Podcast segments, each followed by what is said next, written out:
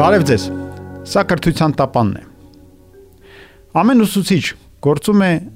ճշմարիտ մանկավարժության մասին իր պատկերացումներից ելնելով։ Սակայն կան բաներ, որոնք համատեղելի չեն մանկավարժության հետ եւ չպիտի գործածվեն երբևիցե որևէ ուսուցչի կողմից։ Այսօր ես կներկայացնեմ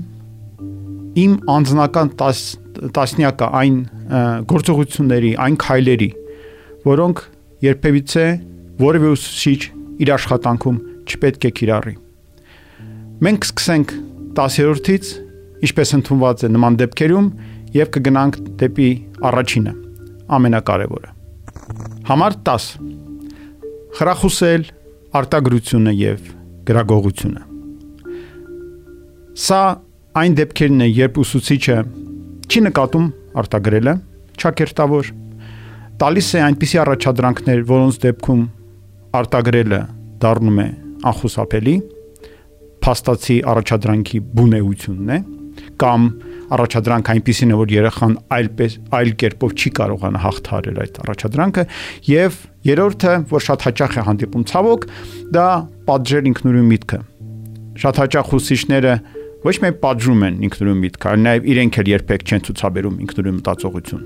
եւ դրանով փաստացի խրախուսում են արտագրությունը եւ գրագողությունը։ Դրա հետ մեկտեղ պետք է տարբերել արտագրությունը ցիտելուց, երբ դու բերում ես հատված մի այլ հեղինակից, ոչ թե որպես քո սեփական աշխատանքի հիմնական մաս, այլ որպես քո մտքերը լրացնող նյութ, եւ այդ նյութի հետ կարելի է չհամաձայնվել, այդ նյութի բովանդակության հետ կարելի է վիճել եւ դա բացարձակապես գրագողություն չէ։ 9. Լինել դատավորի դերում երեխաների միջև հարաբերություններում։ Ուսուցիչը չի կարող երեխաների փոխարեն որոշել ով է ճիշտ կամ ով է սխալ։ Ուսուցիչը կարող է միայն օգնել երեխաներին իրենց հարաբերությունները կառուցել իրենց հարաբերություններում գտնել ճշմարտություն եւ իրենց համար որոշել թե որքանով են իրենք ճիշտ եւ սխալ։ Առավել եւս, որ հազվագյուտ է լինում, որ մի երեխան բացարձակ ճիշտ է, իսկ մյուս երեխան բացարձակ սխալ։ Երեխաների փոխարեն ճիշտն ու սխալը որոշելը նույնն է, ինչ եթե ուսուցիչը խնդիր առաջարկել երեխային եւ թույլ չտալով անգամ մտածել, մտորել, կամ չառաջարկելով սեփական մտքերը արտահայտել, միանգամից ասել պատասխանը եւ լուծումը։ Դրանով բացարձակապես մենք չենք օգնում երեխաներին ինքնուրույն կյանքին պատրաստվել եւ սեփական գիտելիքները ձեռք բերել։ Համար 8. Փոխանցել այլ մարդկանց այն, ինչ իրեն վստահել է աշակերտը։ Սրա համար կա միայն մեկ բացառություն։ Դա այն դեպքն է, երբ երեխայի ասածը իր մեջ պարունակում է հնարավոր վտանգ կյանքի կամ առողջության համար իր կամ այլ մարդկանց։ Այդ դեպքում իհարկե պետք է բարձրաձայնել դրա մասին եւ առաջնահերթորեն տեղեկացնել ծնողներին։ Սակայն անգամ այդ դեպքում պետք է անպայման սկզբից դրա մասին տեղեկացնել երեխային։ Երեխան պետք է իմանա, որ իր ասածը անխուսափելիորեն ուսուցչի կողմից պետք է հասցվի այլոց եւ ուսուցիչը պետք է բացատրի ինչու է նա դիմում այդ քայլին։ Առանց երեխայի հետ դրա մասին խոսելու չի կարելի որևէ մեկին փոխանցել գաղտնիքը, որ իրեն վստահել է երեխան։ Համար 7. Ունենալ ֆավորիտներ։ Սիրված եւ չսիրված աշակերտներ։ Ցույց տալ, որ դու որոշ երեխաներից ավելի մեծ ակնկալիքներ ունես, քան այլ երեխաներից։ Ընդհանրապես չի կարելի տարբեր ակնկալիքներ ունենալ տարբեր երեխաներից։ Այո, իրենք տարբեր արդյունքներ են ցուցաբերում։ Այո, մեկ ավելի լավ է սովորում, մյուսը ավելի վատ։ Մեկը ավելի է ցուլանում, մյուսը ավելի է աշխատում։ Սակայն դա չպետք է թույլ տա ուսուցչին երբևիցե նվազեցնել ակնկալիքները։ Չի կարելի գոհանալ քչով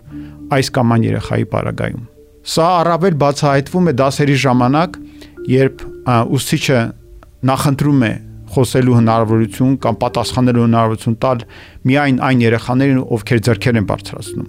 Նշանակում է ավելի պատրաստ են, նշանակում է ավելի լավ են սովորում։ Եվ նրանք, ովքեր пассив են եւ կամ այնքան էլ լավ չգիտեն նյութը, շարունակաբար լռում են չեն մասնակցում դասին։ Սա էլ է այդ նույն ֆավորիտիզմի արտահայտումներից մեկը։ Ուսուցիչին այդպես դուր է գալիս, իհարկե, նա կարողանում է արագ անցնել դասի նյութով, ամեն ինչը գնում է հանգիստ եւ հարթ եւ որևէ խոչընդոտ չի առաջանում, բայց սա որևէ աղերս չունի իրական ուսուցչության հետ։ Համար 6 ավելորդ հուզականություն ցուցաբերել եւ արձագանքել այս կամ այն երևույթին առանց վերահսկելու սեփական հուզականությունը Ուսուցիչը պետք է օգտագործի իր հուզականությունը։ Բնականաբար շատ եւ շատ դեպքերում պետք է լինի սովորական մարդ, որը շատ անմիջականորեն արձագանքում է աշակերտների կամ իր գործընկերների այս կամ այն ասած խոսքերին կամ գործողություններին։ Սակայն երբևիցե չպետք է ուսուցիչերին թույլ տա չվերահսկել իր արձագանքը առավել եւս ճակերտավոր նեղանալ երեխաներից, առավել եւս չզսպված արձագանք ցուցաբերել,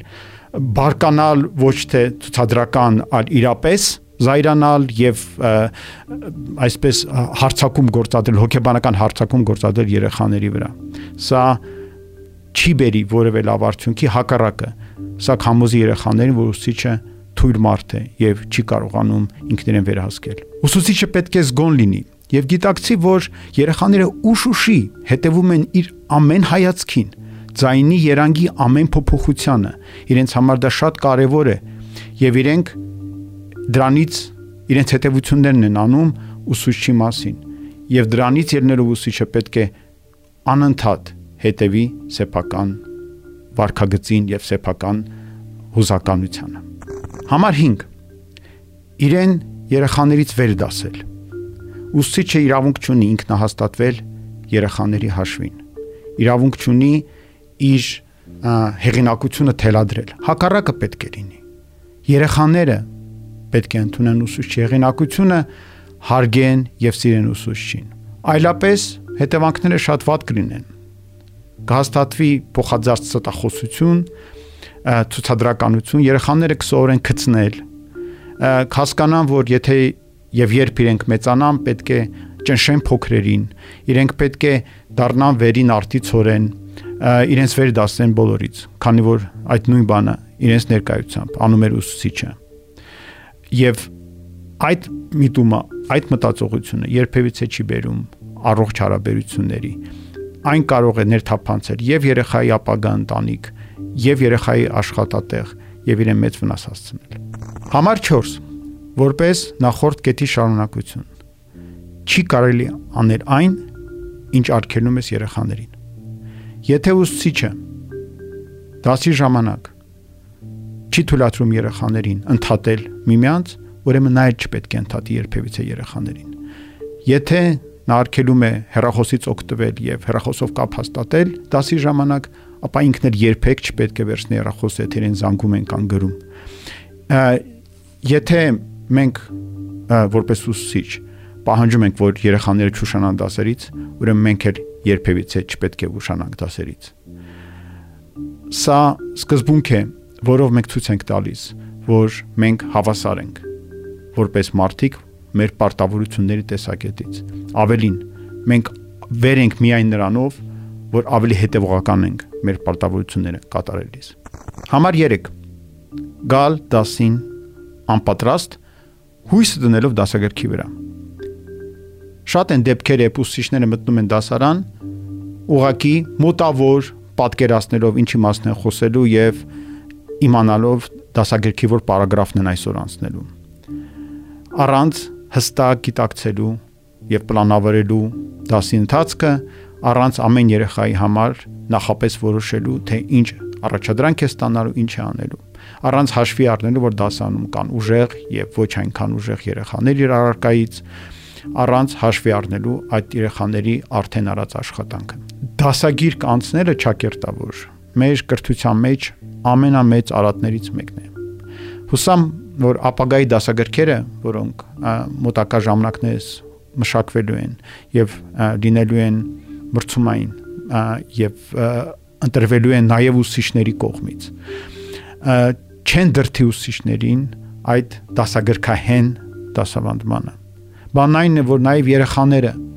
հստակ տեսնում են ուսուցչի աշխատանքի ծավալը, զգում են, թե որքանով է պատրաստվել ուսուցիչը դասին եւ հենց այդ աշխատանքին համապատասխան իրենց սեփական աշխատասիրությունն են դրսևորում։ Եթե ուսուցիչը չի աշխատում, երեխաներն չեն աշխատի։ Համար 2. Նվաստացնել երեխաներին։ Իրենց բացահայտ նվաստացնող բարերով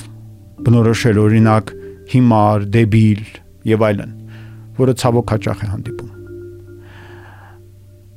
Այս մոտեցումը, այս վերաբերմունքը ոչ մի մանկավարժական օգուտ չեն բերում։ Դրանք միայն վնաս են հասցնում։ Սա իհարկե չի նշանակում, որ ուսուցիչները իրար մեջ երեխաներին քննարկելով չեն կարող բնութագրել երեխաներին ընդհանրական կերպով։ Օրինակ, իրար մեջ խոսելով, իրեն կարող են ասել, որ այս երեխան ծույլիկ է, այս երեխան շատախոս է կամ այս երեխան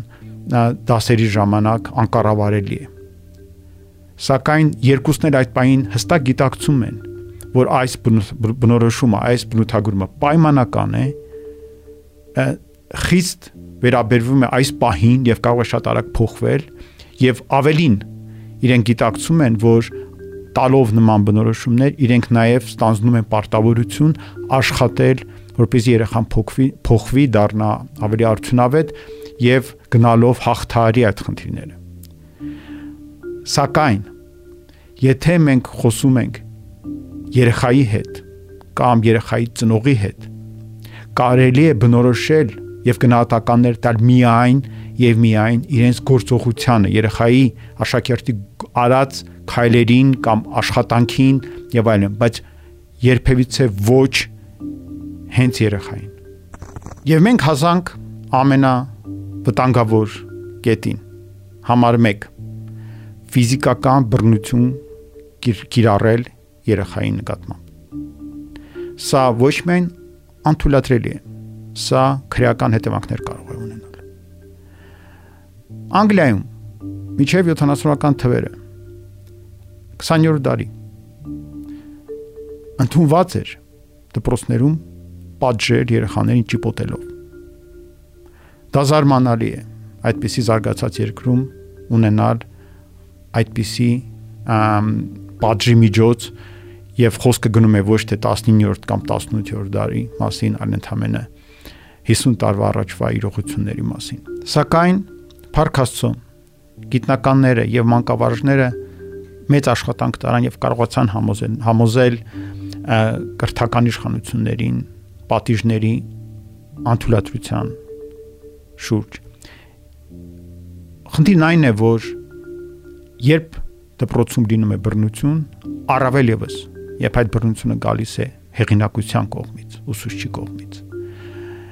այդ բռնությունը դառնում է երկրի մշակույթի մաս։ Մարդիկ բռնությանը սկսում են վերաբերվել որպես սովորական երևույթի, ընդունելի ձևի այդ տեսակի բռնությունը կարող է հետո արդեն դառնալ այդ մեծացած աշակերտի ապագա երիտասարդի եւ հասուն մարդու սովորական միջոց հարցեր լուծելու ընտանիքում սեփական երեխաների հետ այլ մարդկանց հետ դա ավելացնում է բռնությունը եւ նվազեցնում է այլ միջոցները գտնել արդյունավետ լուծումներ համատեղ աշխատելով օգնելով մեկս մյուսին աջակցելով փոփոխությունը դեպի ավելի լավ մարդ, դեպի ավելի լավ անznավորություն։ Արդյունքում դա բերում է այսպեսի ճակերտավոր գողական միջավայրի ամրապնդմանը համակարգի, որտեղ բռնության իրավունքը կանոնակարգված է, որտեղ ավելի ուժեղը ճնշում է ավելի թույլին եւ փաստացի նման համակարգին աջակցելով ուսուցիչը օգնում է բանտերին իրենց հաճախորդներին հաճախորդներ ստանալու եւ համալրվելու փառավոր գործի գործի մեջ եւ մեծ վնաս է հասցնում հասարակությանը։ Ահա, սա իմ տասնյակներ։ Ես դեզ առաջարկում եմ այս նյութի Facebook-յան եւ YouTube-յան էջերում թողնել ձեր մեկնաբանությունները։ Ինչն եք դուք համարում անթույլատրելի ուսուցչի կողմից։ Ինձ հետաքրքիր կլինի ընթերցել եւ ես կփորձեմ այդ մեկնաբանություններին պատասխանել։ Շնորհակալություն, որ շարունակում եք լինել մեզ հետ։ Քանդիպենք հաջորդ երեք շաբթի։